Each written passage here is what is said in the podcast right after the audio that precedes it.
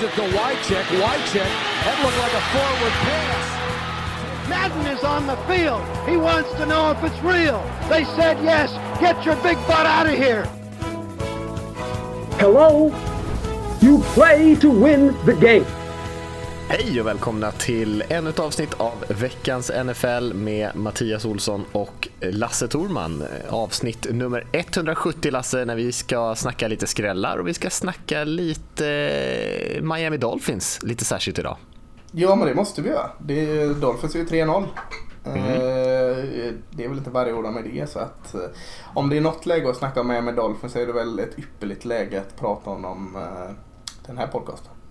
Jag håller med. Vi har gjort det här tidigare att vi har kört lite djupdyk i olika lag och eh, det verkar som att det har varit uppskattat i alla fall. Eh, så vi ska göra det idag också, kolla på lite historik, på lite eh, storhetstiden när den nu var och eh, även på dagens trupp och lite spelsystem och lite allt möjligt sånt där. Så det blir lite djupdyk i Miami Dolphins senare idag. Eh, men vi ska också snacka såklart lite om vad som hände här i, i eh, de senaste matcherna och eh, ta lite nyheter och så, som som vi alltid gör, kika lite på de matcherna som kommer här. Och vi hoppar rätt in i det Lasse tycker jag och tar lite snabba nyheter här. Och, eh, vi kan börja med en lite trist nyhet. Eh, The Curse of NFL-guiden där när Jimmy Garoppolo har dragit av sitt korsband, eh, omslagspojken och eh, blir borta hela säsongen. Vilket är jäkligt tråkigt både för 49ers och för Garoppolo själv som ändå ska starta sin första säsong i år. Har vi en sån curse? Vem hade vi på omslaget förra året? Nej, förra året var det väl Brady va, men året innan var det ju JJ Watt och han skadade ah. sig för mig det året. Så men var inte äh... Jacoby Brissett in och körde en del förra året också, så Tom Brady var skadad förra året väl? Eh, det Brissett. Nej, det var ju istället för Luck. Brissett blev ju tradad. Så han, var det. Han spelade ju bara när Brady var avstängd. Spelade avstängd lite för... var det, men det kan mm. väl räknas som någon form av curse. Ja, men frågan är om det var året innan. Och, och, det var inte nyheten i sig, prata om vår framsida. Men, men eh, det var ju om att Garoppolo drog av sig. Var det hälsenan eller? Nej, korsbandet. Korsbandet, sorry. Mm. Eh, ja, det var ju pisstråkigt. Han hade ju sett jättebra ut också eh, fram tills han drog det. Liksom. Eh, så det kändes ju som den hypen som ändå var innan säsongen på något sätt, eh, han kunde backa upp den. Så nej, det var synd. Verkligen. Jag tycker de har många spännande unga spelare. Jag tror inte de hade kunnat utmana så mycket i år som vi kanske pratade om förra, förra veckan, men eh, ändå något att bygga på kanske framöver. Nu får man ju börja om lite grann från scratch igen nästa säsong, så eh, det är kanske inte optimalt. Nej, är det han Iowa Sye Bettard eller vad han heter som går in nu eller? Jajamän. Ja. Mm. Ja, det kommer inte bli lika bra såklart, men, men ja, vad fan helt eh, banana som de skulle att kunna vinna ett par matcher till med honom. Ja, nej, vi får väl se.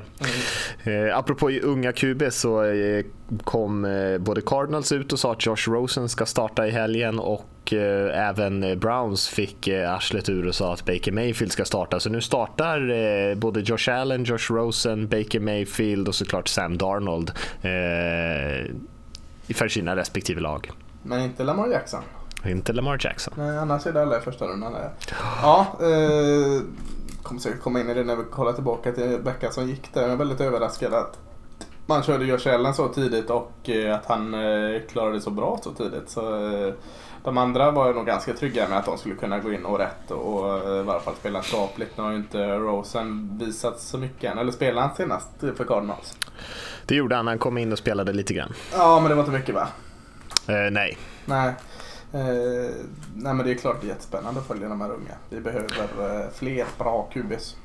Ja, och Rosen hade ju chansen att få samma typ av start som Mayfield och eh, Allen har fått. Eh, men eh, lyckades inte riktigt med det. De, han hade ju chans att vända matchen i slutet och driva för en, för en vinst, men misslyckades tyvärr. Så ja. att, eh, men han hade ju en, eh, det var inte riktigt så enkla förhållanden som han hamnade i där, men, eh, men han fick i alla fall chansen att bli, mm. få en sån där drömstart han också.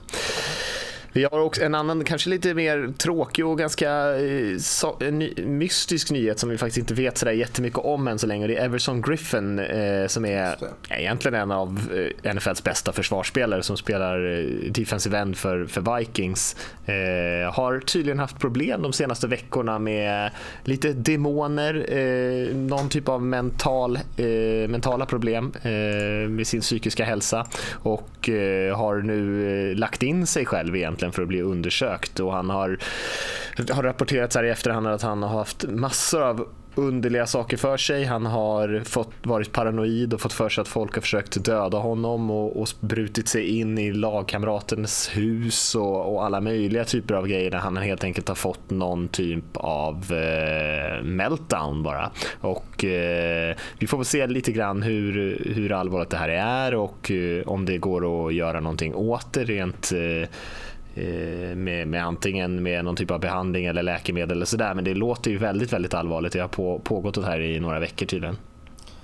Ja, eh, sånt är ju läskigt sin helsike när det är något man inte konkret kan ta på. Jag menar ett korsband eh, för Garoppolo är jättetråkigt såklart men då kan man liksom ta på det, fokusera på det och återarbeta sig. Det här vet man inte alls vad det är och eh, vi vet väldigt lite om det men man det känns ju som de har ändå pågått en, ett tag eh, bakom kulisserna eh, kring Vikings där. Så det är ja, mycket märklig historia tycker jag.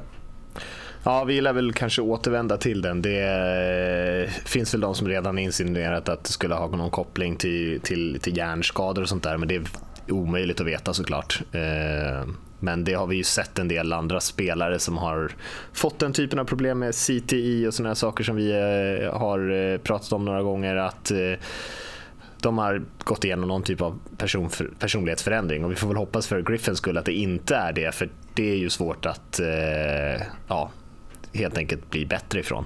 Mm. Än så länge är ju då eran gissning lika bra som vår här. Vi, vi, vi vet inte mer än att det verkar vara eh, hjärnspöken av något slag. Ja, nej, så är det. Och eh, den sista lilla grejen som vi, jag tänkte vi skulle säga, nämna här ändå är att det har kommit ut ganska mycket rykten om att Pittsburgh Steelers har börjat ta emot lite samtal för att kanske eventuellt byta bort sin running back Le'Veon Bell.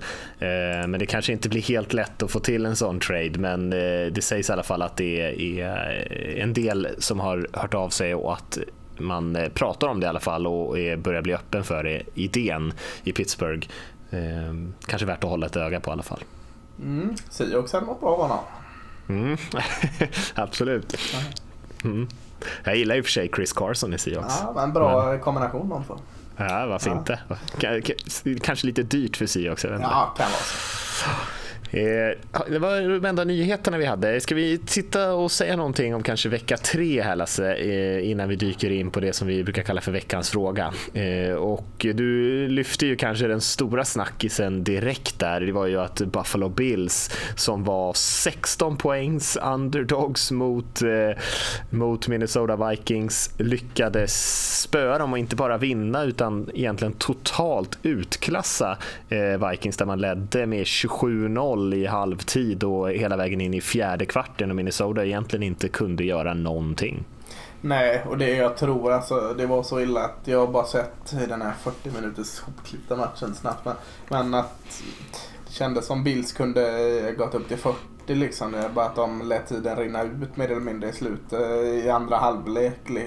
Kontrollera klockan och allt sånt. Vikings var eh, en kombination såklart att Vikings offensiv var, var väldigt, väldigt blekt. Eh, Eh, Kunde ju knappt få en first down, kom ju inte över egen planhalva. Och det är ju lätt att eh, prisa kuben Josh Allen för den här vinsten och det är klart att han ska ha eh, del i den, stor del kanske till och med.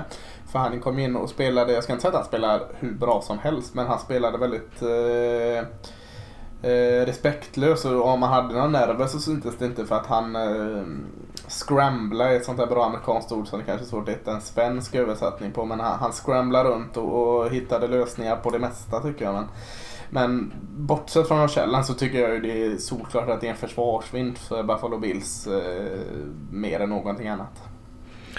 Ja, det var, de hade ju några spelare som spelade riktigt bra på försvarssidan. Mm. Och sen, så allting som kunde gå rätt för Bills och fel för Vikings gjorde ju det i början på den här matchen. Och det var mycket, allt från flaggor till eh, turnovers till eh, alla möjliga saker som gjorde att eh, de kunde ta en stor ledning. Sen hade man ju kunnat kanske gissa att Vikings skulle kunna stänga det övertaget eller åtminstone göra matchen jämn. Men jag vet inte om luften gick ur dem på något sätt för eh, man hade inte en chansen att eh, försöka producera i anfallet som du säger.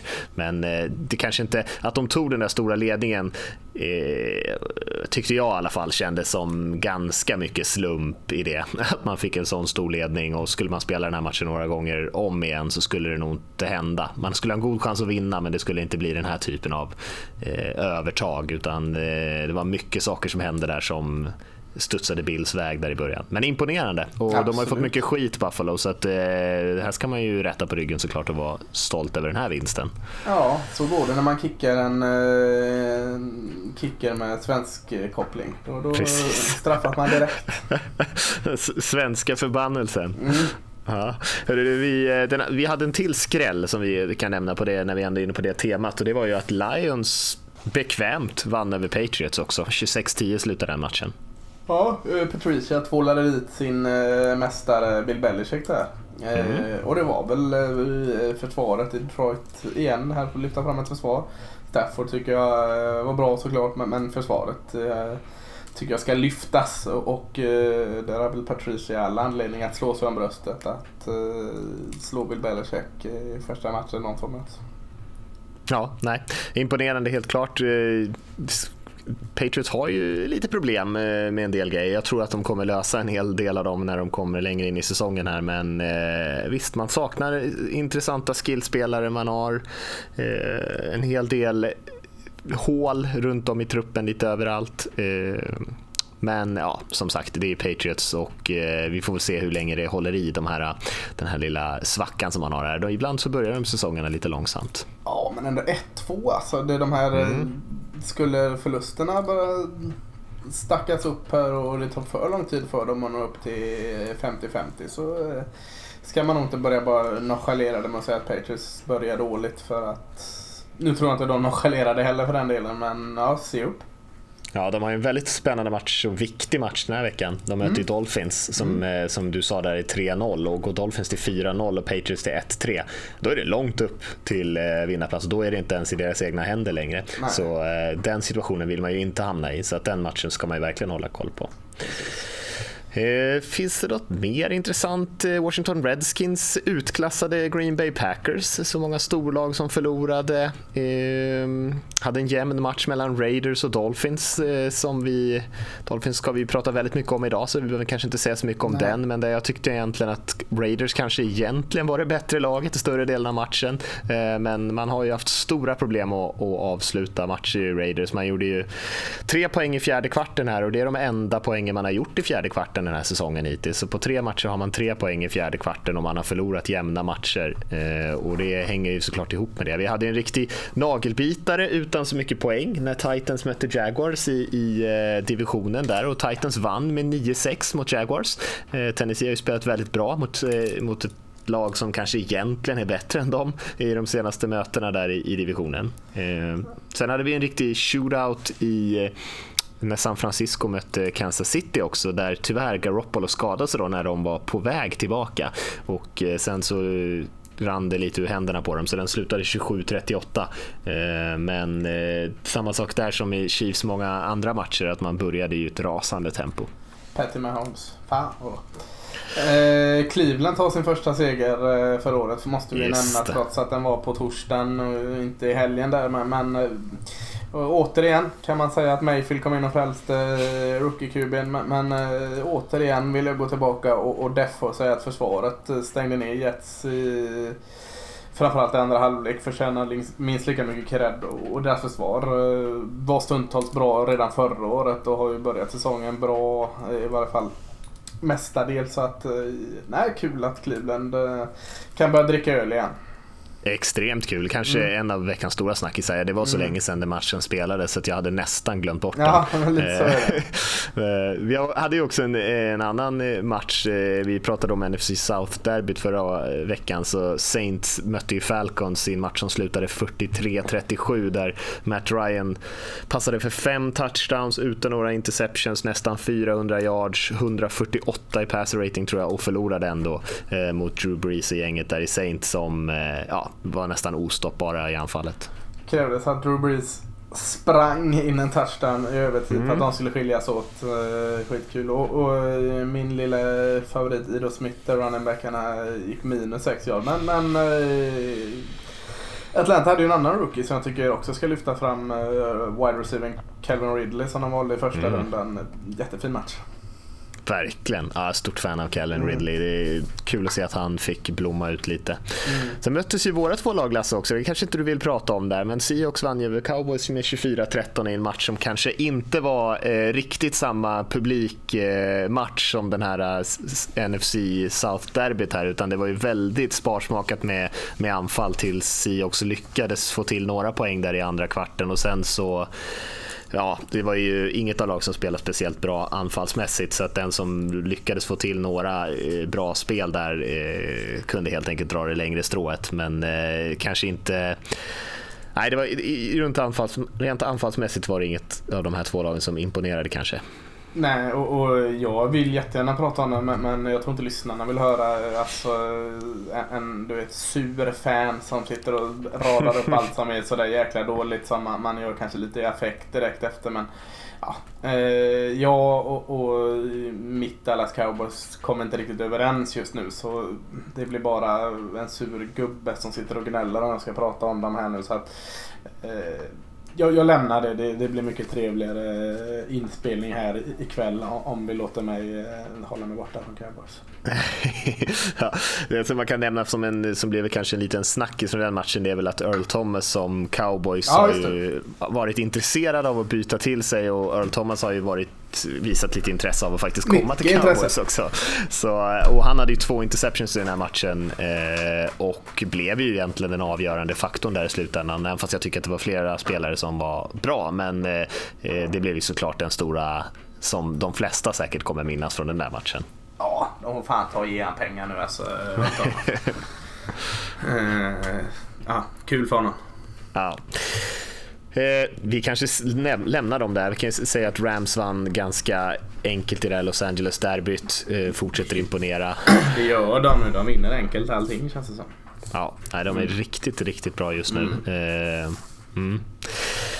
Eh, vi kan ju, Steelers Bucks kanske vi säger någonting om här i, när vi ska snacka lite om veckans fråga. För det som var frågan som vi skickade ut till lyssnarna förra veckan, det var eh, hur Tampa Bay Buccaneers skulle göra med sin QB-situation där. De har ju Ryan Fitzpatrick, eller Fitzmagic som han också kallas, som har kommit in och spelat under James Winstons avstängning och eh, spelat bra. Och eh, så frågade vi helt enkelt vad de ska göra nu när Winston är tillbaka. Ska de fortsätta spela Fitzmagic eller Ska han få tillbaka sitt jobb? Eller vad tycker lyssnarna och vad tror lyssnarna kommer hända? Och jag skulle säga att det var överväldigande stöd för att fortsätta spela Fitzpatrick. Eh, jag såg faktiskt inte en enda person som hade svarat att de borde spela eh, Winston. Och eh, vi har fått in lite längre svar här som jag kan, mm.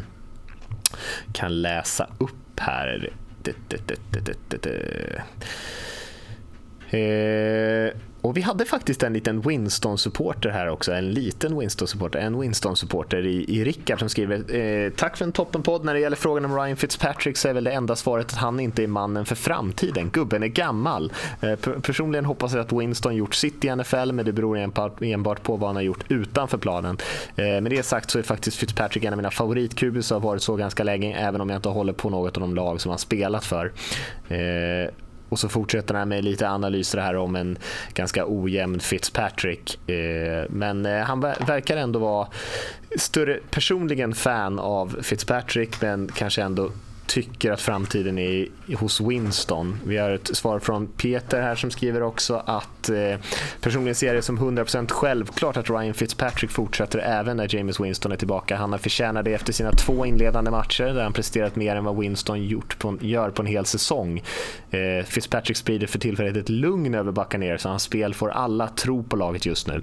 Eh, ruskigt cool och laid back, känns som han är avslappnad och bara njuter. Eh, det är en hype, absolut, men rid på den så långt det går, eh, säger han. Och eh, det här skrev han ju såklart innan den tredje matchen där Fitzmagic kanske inte var riktigt lika imponerande. Men eh, passade ändå för över 400 yards och tre TD där, även fast han hade tre interceptions också. Ja, och det, det är det, det, man får lite och det är därför jag tycker det är svårt att säga Fitz eller eh, James där. Alltså, det är lite samma samma. Eh, det är upp och ner kubis hela tiden. Och, och kanske är det så att eh, passa på att ta bort honom medan han fortfarande är bra kan jag köpa liksom. Kör rullande dörr där. Fitz in och, Winston in för att eh, ordning och reda på de här två kubisarna har det väl aldrig varit. Nej, eh, och jag håller med nog. Jag tycker nog att man kan köra lite på Fitzpatrick om man skulle vilja medan han fortfarande känner sig liksom rätt het. Men den här senaste matchen är ju precis som du säger ganska signifikativt för vad man egentligen får med Fitzpatrick. Det kommer inte vara de här matcherna som de var de första två utan eh, han har alltid kastat mycket interceptions, kommer göra det fortfarande. Han är, fyller 37 här i november. Han är inte framtiden för det här laget. Eh, man måste få in Winston igen någon mer gång under den här säsongen. Frågan är egentligen bara när tycker jag. Eh, för även fast Winston är lite upp och ner som du säger så är han ju 13 år yngre än, än Fitzpatrick och har ändå blivit bättre och bättre varje säsong. Ehm, så att det, det, är liksom ingen lösning riktigt att spela Fitzpatrick. Sen eh, det är klart att om han fortsätter spela bra, om han vinner matcher, absolut ge några veckor. Men eh, jag håller nog med dig Lasse lite grann om att det, det får vara lite svängdörr där. När mm. det börjar gå dåligt så måste man våga, våga bänka honom. Och så kanske man kan, eh, de kan få utmana varandra lite grann, absolut. Men, men att bara satsa, säga vi satsar på Fitzpatrick nu är, är ju inte rätt väg att gå tycker jag. Ja, jag brukar vara motståndare mot det men men eh, jag hade inte varit helt oäven om de liksom satsade på båda. Vi, vi, vi, eh, visst, det är inte stabilitet och allt sådant men det här är inte två QB som liksom har eh, rakryggat personifierat stabilitet genom de senaste åren. Så att fan, satsa på båda och så rider man den heta handen. Mm. Mm. Eh, vi, vi skippar den frågan där då och mm. hoppar vidare från den rättare sagt. Eh, som sagt, väldigt mycket stöd för, för Fitzpatrick där ute bland våra eh, läsare och lyssnare och det kan man ju förstå. Han är ju skön, han är ju eh, lätt att gilla och Winston är väl kanske lite tvärtom då. Eh, han har ju inte imponerat kanske med, med sin Eh, ja, mer eller mindre allvarliga saker som han har hittat på utanför planen eh, men verkar ju ha lite ja, en personlighet som är väldigt svår att smälta ibland medan Fitzpatrick är ju kanske helt tvärtom. Mm, ja, precis. Och då kommer vi till faktiskt det här lilla avsnittet som vi eh, hintade lite om i början när vi ska göra ett litet djupdyk i Miami Dolphins och eh, både lite kring deras historik och, och, kring hur det ser ut idag och eh, bara lära känna det här laget lite närmre. Ja, jag, jag, tänkte, de är ju 3-0 här nu och eh, jag tänkte innan vi lär känna eh, laget så tycker jag vi ska lära känna staden. Eh, staden Miami. Det är säkerligen många av lyssnarna som har varit i, Miami och, och, södra soliga Florida. Det är ju ett populär destination framförallt på vinterhalvåret. Och det är inte bara gamlingar som man kanske tänker på som dominerar här utan latinamerikanerna är en fin krydda på staden. Eh, framförallt då kanske man tänker på alla kubaner. Eh, flydde där på 60-talet från Kuba när Castro tog över. Eh, Little Havana har det där jättefint. Eh, lite 50-50 där med att prata spanska och engelska i stan. Eh, god, god latino-vibe tycker jag. Jag tror någon av de här Iglesias eh, hänger där en hel del också. Eh, och Miami Beach känner så många till. Eh, är en ö eller en halvö eller vad fasken det är strax eller ute i havet där. Och så har du de här art deco-husen som man har sett. Jag, jag tänker aldrig på den här filmen Scarface. Eh, det, det är min, eh, min referens till dem där. Och South Beach och, och nej men det, det är en, en trevlig, trevlig stad. Eh, bra taco-hak på Espanola Way också. Det, det, det är den där, det var länge sedan jag var i Miami men då kommer jag ihåg att det fanns eh, gott i taco i, i där. Arenan eh, hette väl, eh, fasken hette, den hette efter ägaren. Eh, Joe Robbie hette den förr i tiden byggde om den, påminner lite mer om en europeisk fotbollsstadion eh, faktiskt. Hard Rock Stadium heter den. Ligger eh, norr om staden, eh, egentligen mellan Miami och Fort Lauderdale. Eh, Eh, lite kort om den. Eh, Miami eh, kommer, vet du var det kommer ifrån?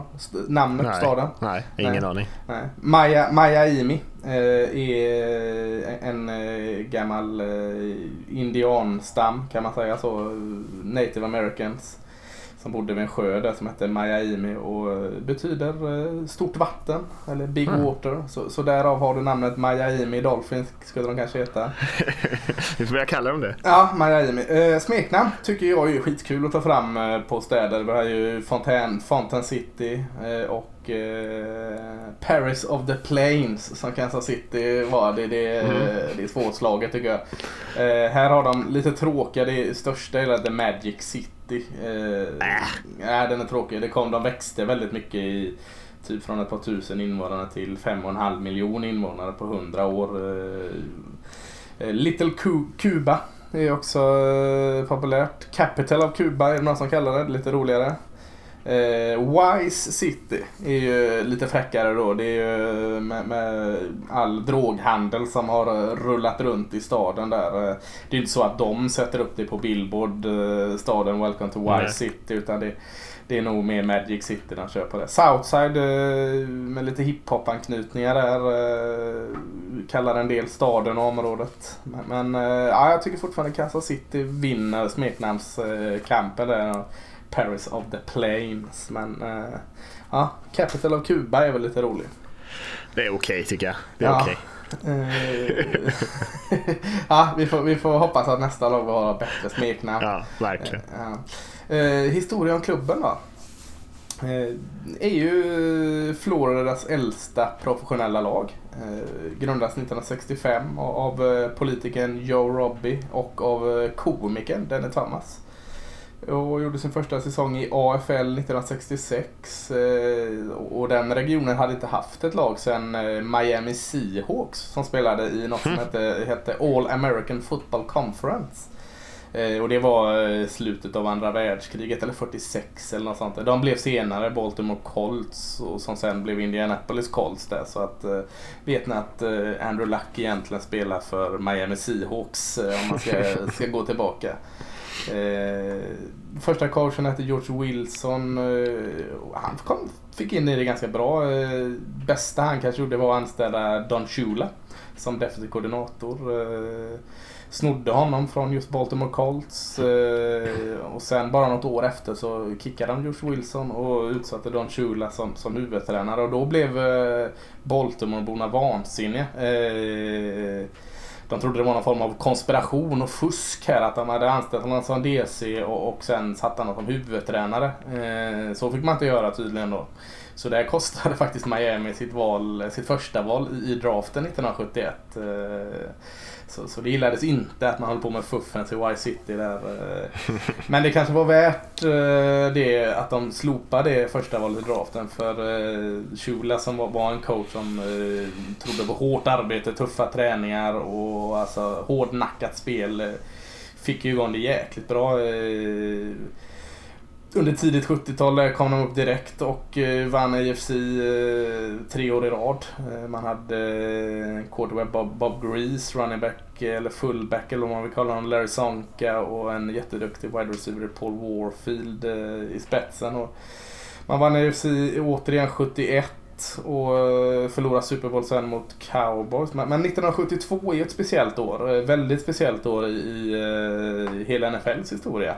Eh, för då gjorde man något som inget annat lag i NFL hade gjort och inte än idag har gjort. Man, man, man vann alla matcher inklusive Super Bowl. Alltså man, gick, man höll förlustnollan intakt hela året och det är faktiskt lite konstigt tycker jag i alla fall att ingen har liksom gjort det. Patriots var ju nära för när kan det ha varit? Tio år sedan?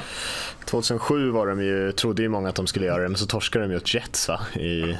Just det, så var det. Eh, men de fortfarande intakt så, så den är väldigt eh, eh, unik den årgången. Man vann eh, finalen mot eh, ett superoffensivt Washington Redskins. Man vann med 14-7.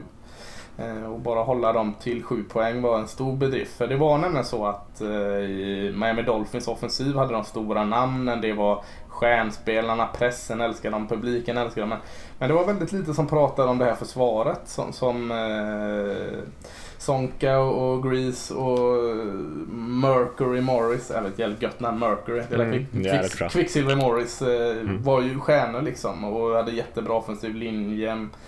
Eh, men försvaret var det ingen som pratade om och de gjorde inte annat än att spela hur bra som helst. Så, så de eh, fick väl smeknamnet No Name Defense. Ja, de, de hade inga stora namn då just då och rubrikerna var kring de offensiva spelarna. Och man hade eh, Bueni Conti, Stanhill och Manny Fernandes och namn som kanske mer blev stora efteråt. Eh, så, så det var väldigt speciellt att det här försvaret var en sån enad trupp som, som liksom slöt upp och gjorde ett minst lika bra jobb som offensivet. Eh, även 73 eh, vann man Super Bowl igen där mot Vikings 24-7. 74 eh, gick man också långt. Sen slutet av 70-tal eh, ja, man, man, var bra då med. Eh, eh spelade, men man nådde inte riktigt hela vägen. Eh, man, man, kom, eh, jag tror det var 82, man kom till sitt fjärde Super Bowl. Men, men ja, det var inte den där riktigt stora eran. Men man var ständigt bra lag liksom. Eh, sen, eh, jag tror det var 1983, så slängde Shula in en eh, rookie Kirby i tredje matchen mot eh, Los Angeles Raiders. Kan du gissa vem det var? Eh, Dan Marino såklart. Jajamän. Eh, Dan Marino som fick hoppa in där eh, och, och, passade för 20 touchdowns redan sin första säsong. Eh, och året efter Marinos första säsong så vann man eh, sina 11 första matcher. Eh, man gick 14-2. Marino satte hur många rekord som helst då. Han passade för över 5000 yards. 48 touchdowns passade han för. Mm. Eh, 362 completion, solklar MVP i ligan. Och, och man red på det här Dan Marino eh, viben egentligen under hela 80-talet och en bra bit in i 90-talet. Eh, och det var väl under 90-talet man, man återigen blev det stora laget och Dan Marino kanske hade sin prime. Eh, 94 vann man AFC East och, och besegrade Joe Montana i eh, Chiefs i wildcard-matchen. Eh, sen har vi en väldigt rolig match. Jag vet inte om du kan dra någon, eh, kanske gissa filmen här. Eh, man mötte, vad blir det då, San Diego Chargers och hade i sista sekunden en field goal som man kunde vinna matchen på. Pete Stojanovic missade field goalen och skyllde på att snörningen var åt fel håll. Kan, kan du på något sätt associera vilken film som har som har byggt på detta. Ja, det är ju den här Pet Detective. Jajamän, Ace Ventura där. Ace Ventura. Med maskoten Snowflake och allt detta. Så det är egentligen baserat på en verklig händelse. Jag tror inte innehållet i själva filmen är så som det gick till. Men, men det fanns någon form av verklighet i den i alla fall. Eh, 95 sen slutade Shula och, och ersattes av eh, Jimmy Johnson som eh, hade vunnit eh, allting med Miami College eh, och, och även två Super Bowl med, med Cowboys. Och man spelade okej, okay, men man nådde inte riktigt upp till dem som eh, Shula gjort innan. Och sen 99 slutade väl både Jimmy Johnson och Dan Marino. Och efter det har det varit tungt. Eh, egentligen från eh, 99 fram tills nu. Eh, man hade en härlig period med Jason Taylor, Zach Thomas och, spännande, väldigt spännande running back i Ricky Williams här som bara slutade efter typ sin andra eller tredje säsong. Överraskade alla men han var väldigt glad, drogliberal om man ska säga så och fann väl i sina egna gudar och allt sådant. Eh, men, men ja, eh, det är väl en väldigt snabb summering av eh, Miami Dolphins historia. Man har vunnit två Super Bowl, 72 och 73. Man vann, har vunnit AFC fem gånger, 84 var senast. AFC East har man vunnit 13 gånger, 08 senast. Eh, så, så eh, ett historiskt väldigt starkt lag. De har haft betydligt mer upp än ner. Alltså om vi pratar nu från 2000 till nu så har det varit mest ner. Men, men det är egentligen den enda perioden som Dolphins har varit riktigt dåliga. Ja, de har ju inte spelat, de har ju bara gått till slutspel tror jag, en gång på de senaste tio åren och mm. torskar de direkt. Så de har ju varit lite i skuggan av Patriots. Sen Patriots liksom kom upp och var bra där 2001, 2002, 2003 kanske framförallt. Så sen dess har ju eh, Dolphins inte varit bra och har inte haft en QB egentligen. Kan man säga att de inte haft en QB sen Marino? Det har de inte. Eh, Nej, eh, absolut. Det, det, tycker jag absolut man kan säga. Eh, och, men, men det var väl lite så han där när Tom Brady kom in eh, istället för Drew Bledsoe i New England. Så har New England tagit över det som Miami egentligen hade innan. Alltså den dominansen. Så. Svårt att säga att ett 3-0 Miami är tillbaka till det men, men de kommer säkert börja rulla de här återblickarna i, i Miami Tribune och allt vad det heter. Ja, spöar de Patriots nästa vecka så absolut. Mm. Ja, nej, Dan Marino pratar man ju ofta om som kanske den bästa quarterbacken i NFL-historien som aldrig vann någon Super Bowl. Uh, för de flesta andra riktigt stora fick ju de där ändå. Ja, Tony Romo också. För, förutom Tony Romo ja. såklart. Eh, men eh, ja, Elway och alla de här vann ju lite Super Bowls på, liksom, senare i karriären och sådär. Men Marino fick ju aldrig vinna sin riktigt och som du säger 48 touchdowns på en säsong. Ja. Eh, ja, det låter ju lite så mer standard kanske nu när vi kommer in. Ja, det är inte standard, det är inte många som gör det ens nu. Men att göra det då var ju ännu mer absurt. Så att, eh, han var ju en eh, extremt bra spelare. Det kanske lite synd att han aldrig fick ta sig hela vägen, precis som du säger. Nej, eh, han, liksom, när, man, när jag började liksom, få upp ögonen ordentligt för NFL så var ju Dan Marino the shit liksom. Han var kanske lite på nedgång men, men eh, nej, det var han knappt. Alltså, jäklar vad stor han var.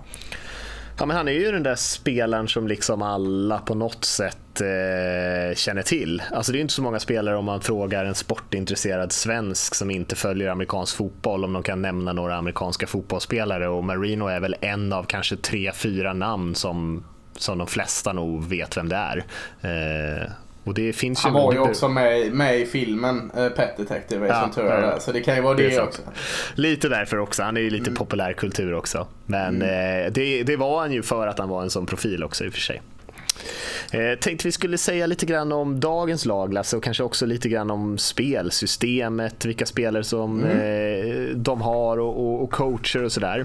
Och eh, jag tänkte först att jag skulle sortera upp det där lite på ett snyggt sätt men det blev lite mix här helt enkelt. Så jag tänkte jag, jag börjar prata lite grann om hur man ser på eh, hur man försöker spela i Miami och då kommer vi in på många av de duktiga spelare som de har. Mm. Eh, och eh, de har ju en coach där sedan 2016 som heter Adam Gaze som var kanske den eh, unga genioffensiva coachen som kom från, från Broncos. Han hade varit med Peyton Manning och eh, egentligen jobbat under massa kända coacher. Mike Martz, eh, Steve Mariucci och som, som sagt jobbat med Manning. Så att eh, eh har ju inte det knuten till något särskilt spelsystem så, utan han har ju plockat lite från alla möjliga för att ihop, få ihop det som han nu använder.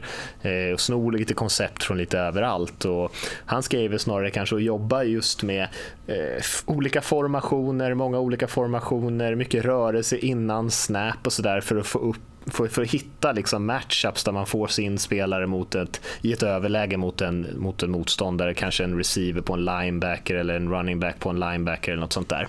Eh, ganska likt tycker jag egentligen vad Sean Payton gör i Saints, eh, där de också är väldigt mycket för att jobba med en stor variation av formationer. Man kan mycket väl skicka ut en Alvin Kamara till exempel på en, på en pass route och sånt. Och sånt håller man på väldigt mycket med i Miami och det är sånt som Adam Gaze tror på.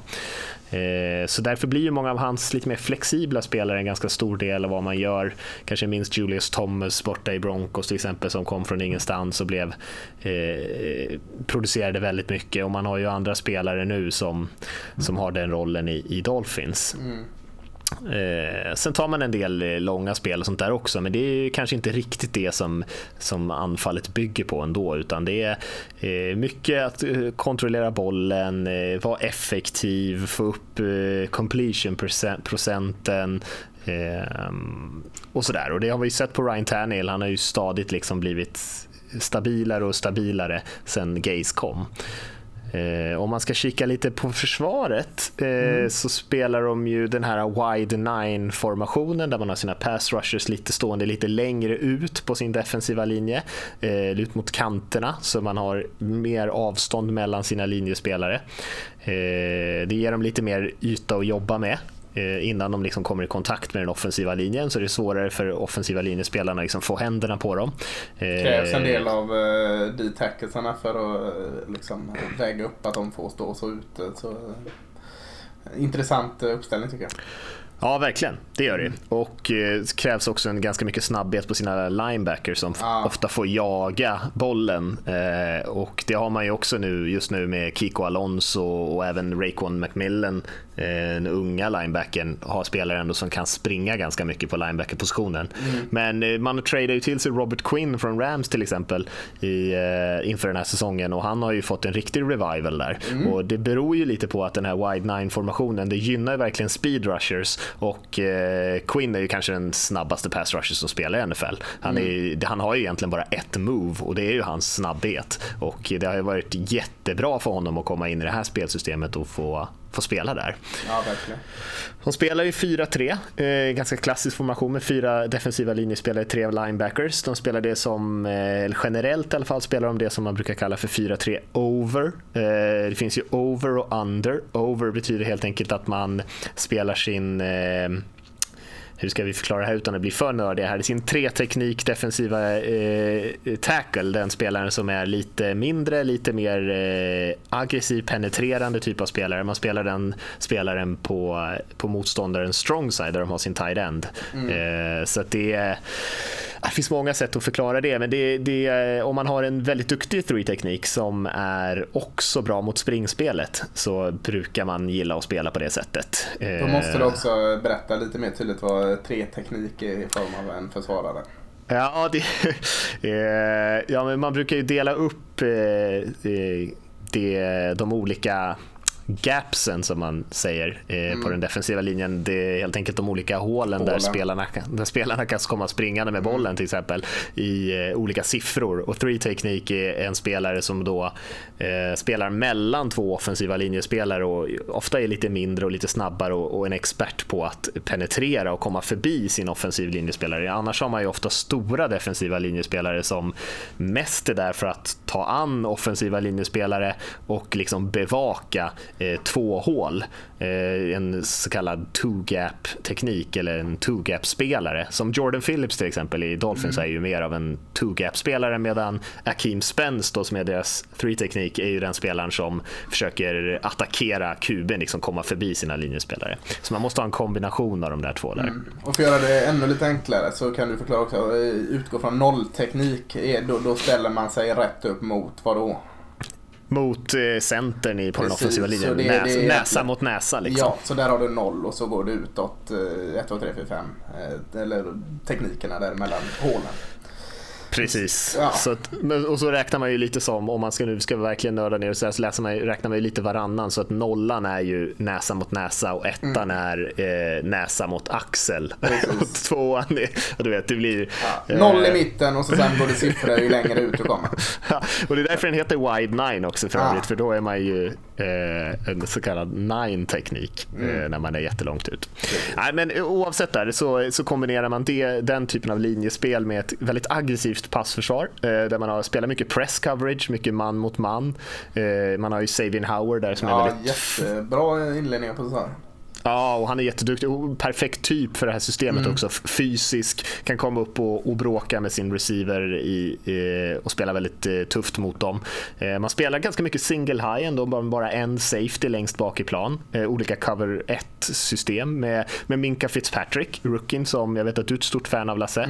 Eh, han hade ju lite struligt här senast mot Raiders, var lite förvirrad, hamnade i ganska mycket tuffa situationer. Jag tycker att Gruden gjorde ett väldigt bra jobb att eh, utnyttja att de ändå hade en rookie med så mycket ansvar där bak. Men han har ju annars spelat väldigt bra den här säsungen. Ja, de Eh, roterar den eh, safety-positionen ganska friskt. De kör väl en, även i en sån som T.J. McDonald som också tog från Rams och, och eh, vad har med? Rashard Jones kanske inte riktigt där men den är väl ganska frisk på rotationen där. Har den en tendens att vara för Dolphins va? Ja, jag tror det. Och Ja. Richard Jones är ju en betydligt mer fysisk safety. Ja. Så han spelar ju nästan så här om man tänker Strong, på... eh, eh, Ja, precis. Så att man tänker så här gamla Seahawks-mixen med Cam Chancellor och Earl Thomas där. Som var, de var ganska kända för det och nästan alltid bara spela Earl Thomas längst bak. Så de spelar lite så i Miami. Man hoppas ju att sina duktiga pass rushers ska komma igenom så att man inte hinner utnyttja den där eh, kanske lite eh, mer riskfyllda försvarsspelet som man kör. Eh, Nej, men där, nämnde vi några lite av deras eh, bästa och mest intressanta spelare ändå. För det är ju, de har ju väldigt bra secondary med, med både eh, Savin Howard som vi nämnde där, Richard Jones är faktiskt en väldigt duktig spelare också. Mm. Fitzpatrick ser ju riktigt bra ut. Eh, Linebacker-positionen är okej okay ändå med Macmillan. Alonso är kanske ingen superstjärna men han passar väldigt bra där. Defensiva linjen är bra, väldigt bra till och med. Eh, och man har ju också eh, både en tung pass rush och bra insidespelare egentligen. Eh, jag vet inte vad man ska säga om den här truppen. Jag tycker att den här truppen är bra. De har en bra trupp. Mycket tyvärr av orosmomentet ligger ju kring den offensiva linjen mm. som kanske inte är så där bra som man skulle vilja. Annars finns det ju väldigt mycket intressanta skillspelare. Eh, särskilt för det här Gaze-systemet som är ganska eh, mycket flexibla spelare med Kenyon Drake till exempel. Jakeem Grant är ju en kvick liten receiver. De draftade ju Mikey Sicki som är en väldigt atletisk tight end. Mm, eh, och sen så har man ett bra försvar, så att man har ett, en stark trupp overall. Jag skulle säga att den offensiva linjen och sen vissa frågetecken kanske kring Ryan Tannehill, lagets quarterback då, om han är om man har så högt tak att han verkligen kan leda det här laget så långt som man vill gå eh, är väl de två stora frågetecknen skulle jag säga. Ja, de, de, har ju alltid Brock Osweiler som backup så det är lugnt. ja, de draftade ju Luke Falk också tror jag. Just det, eh, från Washington State där. Ja. Eh, ja, systemspelare enligt mig. Där. Men, eh, gamlingen Frank Gore kan vi nämna också, satt väl något rekord där häromveckan. Eh, hängt i länge. Eh, så där är väl lite av hans sista tango skulle jag tippa på. Kenyon Drake är väl eh, primära eh, springande. Mm. Eller ja, det kanske man inte ska säga. De delar på det lite. Ja, men de gillar väl att ha det så. Att de ja. har flera running backs som är inne och roterar, precis som du pratade om safety-positionen där, ja. att man roterar ganska friskt. Mm. Nej men det, det, tycker jag väl är en bra, bra summering av uh, Miami Dolphins. Och, uh, nu om, om man ska göra någon form av överhopp eh, här igen eller eh, som vi är så bra på att kolla fram på vecka fyra här så, så ställs de ju för en, en eh, på pappret jättetuff match. Alltså man, man åker till Boston möter ett New England Patriots som precis har förlorat mot en före detta tränare i, i laget Detroit Lions här. Ett, ett Patriots som är så pass bra så det är inte ett lag man alltför ofta ser förlora två matcher i rad där hemma i, i eh, Foxborough eller Boston eller vad ska säga. Jättetuff match och eh, det är ju inte många, trots att de är 3-0 och Patriots är 1-2 så är det ju inte många som tror att eh, Dolphins ska kunna gå vinnande ur denna. Eller vad tror Nej. du? Nej, det är det nog inte. Och jag tror nog inte heller att de kommer göra det, men, det, men jag ger dem absolut en chans. Eh, Dolphins de är ju kanske inte riktigt så bra som 3-0 kan jag tycka och de har eh, senaste, alltså, ganska länge nu haft en förmåga att vinna väldigt mycket tajta matcher. Och antingen betyder det att man är bra när det gäller som mest eller så betyder det att man har haft kanske lite flyt och vunnit kanske fler matcher än vad man egentligen förtjänar. Eh, och det är jättesvårt att säga vilken av dem som är den sanna. Just Patriots är väl fortfarande söker lite vilka man ska vara. Man är kanske inte riktigt eh, där man vill vara rent kvalitetsmässigt. Så att ska man slå Patriots så är det ju nu. Eh, sen om Dolphins är riktigt redo för den utmaningen. Jag tror inte riktigt det, men eh, de kan nog göra den här matchen ganska spännande i alla fall, det tror jag. Ja, hoppas det i alla fall. Det hade ju varit, eh, jag säger inte att det hade varit roligt om Patriots förlorar, men det hade ju varit spännande med en tydlig ledare som inte är Patriots i den divisionen. I alla fall för alla som inte är Patriots-fans. Nej, jag håller med dig. Mm. och som sagt, som vi sa där i början, det blir riktigt svettigt för New England om de skulle torska. Så att pressen ja. är ju där egentligen. Precis. Vad, vad har vi mer för, för, matcher om vi nu ska... Nu har vi satt ena foten i vecka fyra då kan det lika väl kliva över med den andra foten och hamna helt i, i veckan som kommer här. Vad, vad har vi att se fram emot? Alltså vi har en spännande torsdagsmatch och nu spelar vi in på onsdagskvällen så vi kan ju återigen kanske säga någonting om den. Vi har ju Minnesota Vikings som spelar borta hos Los Angeles Rams är ju en eh, höjda fight egentligen även fast Vikings torska senast. Eh, bra test för Rams. Eh, jag, tror, jag tror att Rams vinner den här matchen. Jag tycker definitivt att de är värda favoritskapet åtminstone. Eh, har ju varit, sett otroligt bra ut eh, och kan de imponera igen mot ett så pass bra lag som Vikings Eh, då eh, får man nog om man hade tvivel så får man nog börja släppa dem nu och bara helt enkelt erkänna att det här är ett väldigt, väldigt bra lag.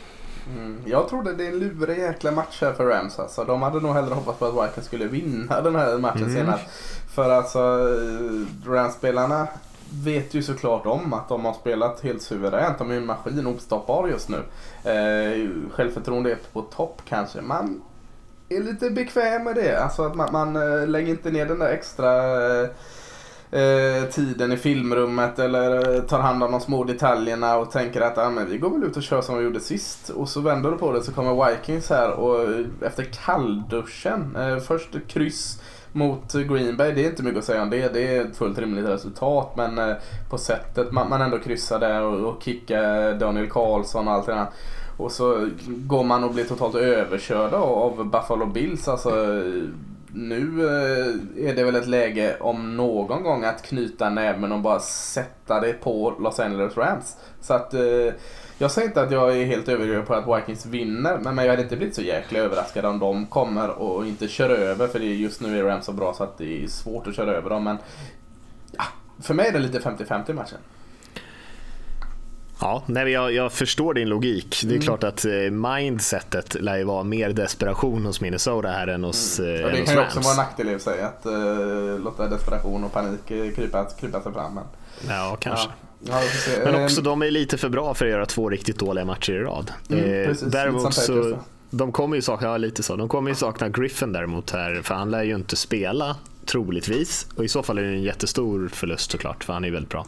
Ja, så är det. För de, alltså, de har en jättefin defensiv linje, men de har inte så mycket djup i den defensiva linjen. Jag var inne och kikade på liksom vad de hade där. Och, och det är klart, de fyra, alltså Hunter och Griffin på varsin kant och Joseph och Richardson i mitten, jättefin. Men bakom där, eh, Steven Weather, Weatherley eller Tashan Bauer ja, det är inte, inte solklara kandidater att gå in och dominera. Verkligen inte. Vi har en hyfsat intressant match tycker jag när det är Bengals hos Falcons. Vi behöver inte säga så mycket om den mer än att Falcons har ju, trots att de har spelat väldigt bra, eh, fortfarande en eh, utmaning att hänga med där i NFC South. De är väl 1-2 om jag inte minns fel och Bengals är väl egentligen också 1-2. Kan det vara så till och med? 2-1 i Bengals. Mm, de, är, ja. de är bra. Ja, men den är intressant. Jag tror uh, Falcons har varit med i poängglada matcher där nu. Det, det är svårt att se att de sätter 35-40 poäng på Bengals försvar. Uh, mm, ja, ja, den är svårtippad även denna alltså. Ja, jag tycker skadorna på Atlantas försvar har ju tyvärr påverkat dem ganska mycket. Ja, eh. men samtidigt såg ju offensiven så jäkla bra ut sist. Så, ja, ett bra offensiv mot ett bra defensiv. Helt klart en, en eh, match att kolla på. Jag tycker en annan sju match eh, som oftast inte skulle få så stora rubriker är spännande. Det är Buccaneers mot Bears i Chicago. Mm. Båda lagen är 2-1. Eh, två lag som haft ett par tunga år bakom sig men nu har lite, trots att Buccaneers förlorade sist visserligen, har en del vind i seglen. Alltså eh, leendet upp. Eh, man ser att en ändring är på gång i Chicago framförallt och Tampa Bay eh, som kanske inte riktigt trodde på sig själva fansen där har också sett väldigt bra ut. Och eh, ett angenämt problem med, med, man två QB som lockande att starta. Så att den ska bli spännande att kolla in. Ja, där är ju Trubisky som många har börjat ifrågasätta ganska rejält nu redan trots att laget går bra. Ja. Men försvaret och värvningen av Khalil Mack där har ju varit en succé för Bears såklart eh, och de spelar ju väldigt bra. Jag tycker att det är ganska mycket vad man hade väntat sig av Chicago i år. Eh, jag tycker att de har en bra trupp, en ganska stabil trupp på, på båda sidor av bollen men, men stora liksom frågetecknet är ju om man har rätt quarterback i, i laget. Mm, nej, så är det. Vi har, lite, vi har två andra spännande divisionsmatcher som vi kan mm. nämna i alla fall tycker jag. Sunday Night Football har vi ju Baltimore Ravens som spelar borta mot Pittsburgh Steelers, klassisk eh, derby. Och sen har vi ju Kansas City Chiefs som spelar borta mot Denver Broncos. Eh, som också är en rätt intressant match tycker jag. Ja, samtliga fyra lag, vi kan inte prata om två matcher samtidigt, men, men, men alla fyra lag har väl någon form av eh, positiv eh, trend just nu. Alltså om vi börjar mellan eh, tungviktsmatchen Ravens Steelers där så Steelers med en vinst, en, en kryss, en förlust. Eh, förlusten kom visserligen hemma på Heinz Field men Eh, fick ju lite redemption eh, det här mot Buccaneers. Eh, tycker att deras försvar ser lite eh, för skakigt ut. Eh, nu har vi säga Ryan Shazier varit borta ett bra tag så det kan inte vara en överraskning att skylla på det men man tycker han, jag tycker han saknas väldigt mycket och, och även deras secondary har varit skakigt. Eh, beror inte bara på att Joe Hayden har varit skadad. Så, så att, eh, och, och Ravens, eh, ah, jag trodde inte alls på dem innan säsongen och, och eh, ah, jag vet inte, nu vann man senast mot Broncos och eh, ja, jag säger att jag är väldigt överraskad över deras offensiv. Eh, deras försvar vet ju att det är starkt men, men eh, offensiven är jag överraskad på. Ja, nej, jag tror inte jättemycket på Ravens i år heller, eh, även fast jag tycker att de har spelat lite bättre än vad jag trodde. Eh, jag tror att man kommer få lite tufft mot Pittsburghs passningsspelare, men Steelers, alltså, de är intressanta Steelers för de har ju egentligen bara sett bra ut i den matchen när de torskade mot mm. Chiefs. Mm. De spelade inget bra mot Browns och eh, de var inte jättebra mot Tampa Bay om man ska vara riktigt ärlig. Det var ju tre interceptions som var riktiga bjudningar. Den ena slogs ju upp i luften från Fitzpatrick, men de andra två var ju usla kast från Fitzpatrick Fitzpatrick som gjorde en eh, rätt dålig match eh, stora delar av matchen och ändå kunde inte Steelers liksom stänga stänga matchen. Och det blev ju riktigt jämnt i slutändan ändå, trots att de fick de här tre eh, gratis turnovers egentligen. Eh, och så att eh, Pittsburgh har inte alls imponerat tycker jag än så länge. Ser definitivt inte ut som ett Super Bowl-lag och man måste lyfta sig i många nivåer om man ska eh, kunna gå hela vägen i år tror jag. 1-1-1 eh, är, ja, det är ett resultat som man till och med skulle kunna vara ganska nöjd med med tanke på man, hur, vad man har levererat. Eh, och Ravens Steelers brukar alltid bli jämnt, så att eh, Ravens brukar spela bra i de här matcherna. Intressant, mm. den kan bli riktigt spännande faktiskt. Chiefs Broncos, eh, Chiefs eh, ser nästan ostoppbara ut anfallsmässigt och jag tror inte att Broncos kommer hänga med helt enkelt. Jag, tror, jag tror inte de kan göra så mycket poäng som Chiefs kan göra. Däremot har försvaret spelat väldigt bra. Chubb jag tycker jag ser jättebra ut pass rushen, kanske ingen chock tillsammans med Von Miller och gänget. och det är inte riktigt lika eh, bra försvar som de hade för några år sedan här, men, eh, men de är inte dåliga för det.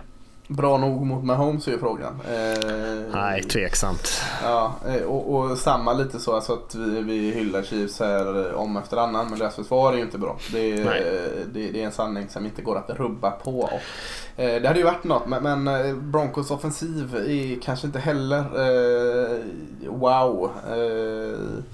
Man har börjat få ordning på sin offensiva linje tycker jag, det ska nämnas. Eh, sen Case Keenan. Eh, Demarius Thomas i sig och, och Sanders är ju spännande spelare så att vem vet, det, de kanske kan straffa dem, eh, utnyttja deras försvar. Ja, nej verkligen. Nej, eh, som sagt eh, innan Garoppolo skadade sig så var ju 49ers ner på väg att göra sina 35 poäng där eller någonting. Ja. Eh, så att eh, Chiefs försvar är ju ett, eh, ja, en röra helt enkelt. Så, eh, men nej, jag tror ändå de vinner för att Broncos inte hänger med. men, ja, jag säger inte emot. Det finns några intressanta matcher där ändå på, på brädet. Det bli spännande att se också om uh, Bills kan uh, tvåla dit ytterligare ett uh, NFC North-lag här. De, de åker till uh, Lambo och möter Green Bay. Uh, kan de göra det här en gång till uh, i frågan. Och, Aaron Rodgers såg ju inte alls hel ut senast när de, de förlorade så still över vilka Green Bay. Washington var det jag förlorade. Ja, precis. gjorde ju ingen bra match där. Så det ska bli spännande att se också. Kan Buffalo eh, fortsätta spöka i den divisionen? Ja, alla de här rookie QBs egentligen. ska bli intressant att se vad Josh Rosen kan göra som starter också. Om det påverkar att Cardinals kan spela lite bättre. Kommer ju se om honom ja, noga där mot, mot, mot Seahawks. Mm. Förhoppningsvis så tar han eh, en extra vecka på sig innan han eh, mjukar upp där i armen. Men eh, Ja, intressant att se alla de här spelarna från, från start. Även Mayfield som eh, jag tror är en riktig framtida stjärna. Eh, pekar åt det hållet i alla fall. Ja, Browns mot uh, Raiders där. Det enda laget med vinst är Cleveland Browns. Bara det är ja. spännande. det är intressant. Jag tycker ja. Raiders är alldeles för bra egentligen för att vara 0-3 ja. men... Uh, Eller alldeles för bra de är inte. De, de är bättre än 0-3. Sen är de inte alldeles för bra för att vara 0-3. Det har varit för för rörigt där framförallt i slutskedet av matcherna. Det är också en del av matchen, det får man inte glömma. Så, eh, men, men jag håller med dig, de är för bra. Men, men eh, jag ser den nog hellre som 0-3 än 3-0 om jag säger så då. Ja, ja, det kanske är sant i och för sig. Det kanske är sant. Det finns inte få riktiga strykgäng som vi pratade om kanske om in, inför säsongen. Eh, vi trodde att vi hade hittat några där i Bills och Cardinals och helt plötsligt så spelade de helt okej okay där i alla fall. I, i, eh, Cardinals spelar helt okej okay och Bills spelar ju riktigt fint. Så, ja. ja. Jag vet inte, det, det blir nog inga 0-16-lag i år. Eh, och det blir kanske knappt något 2-14, knappt något 3-13. Vi får se. Ja, det är spännande. Ja. Eh, vi kanske ska runda av Lasse? Ja men det får vi göra. Du ska iväg och eh, eh, hålla på med fysisk aktivitet. Eh, läskigt på en, på en onsdag eftermiddag. Så att eh, du får hinna till den så får vi, eh, får vi tacka alla så hjärtligt för att ni lyssnar. Ja, verkligen, verkligen. Jag ska spela fotbollsmatch. Jag ska förhoppningsvis göra lite mål här idag. Jag gjorde inget lysande inhopp förra gången när jag trodde att jag skulle dö där med min dåliga kondition. Så att, jag hoppas på lite bättring den här veckan. Ja, jag håller tummarna. Nej, men som, som Lasse sa där, tack för att ni har lyssnat allihopa och hör gärna av er om ni har några frågor eller vill säga något eller tycka något och hjälp oss gärna dela podcasten och så hörs vi igen om en vecka. Det gör vi. Ha det bra allihop.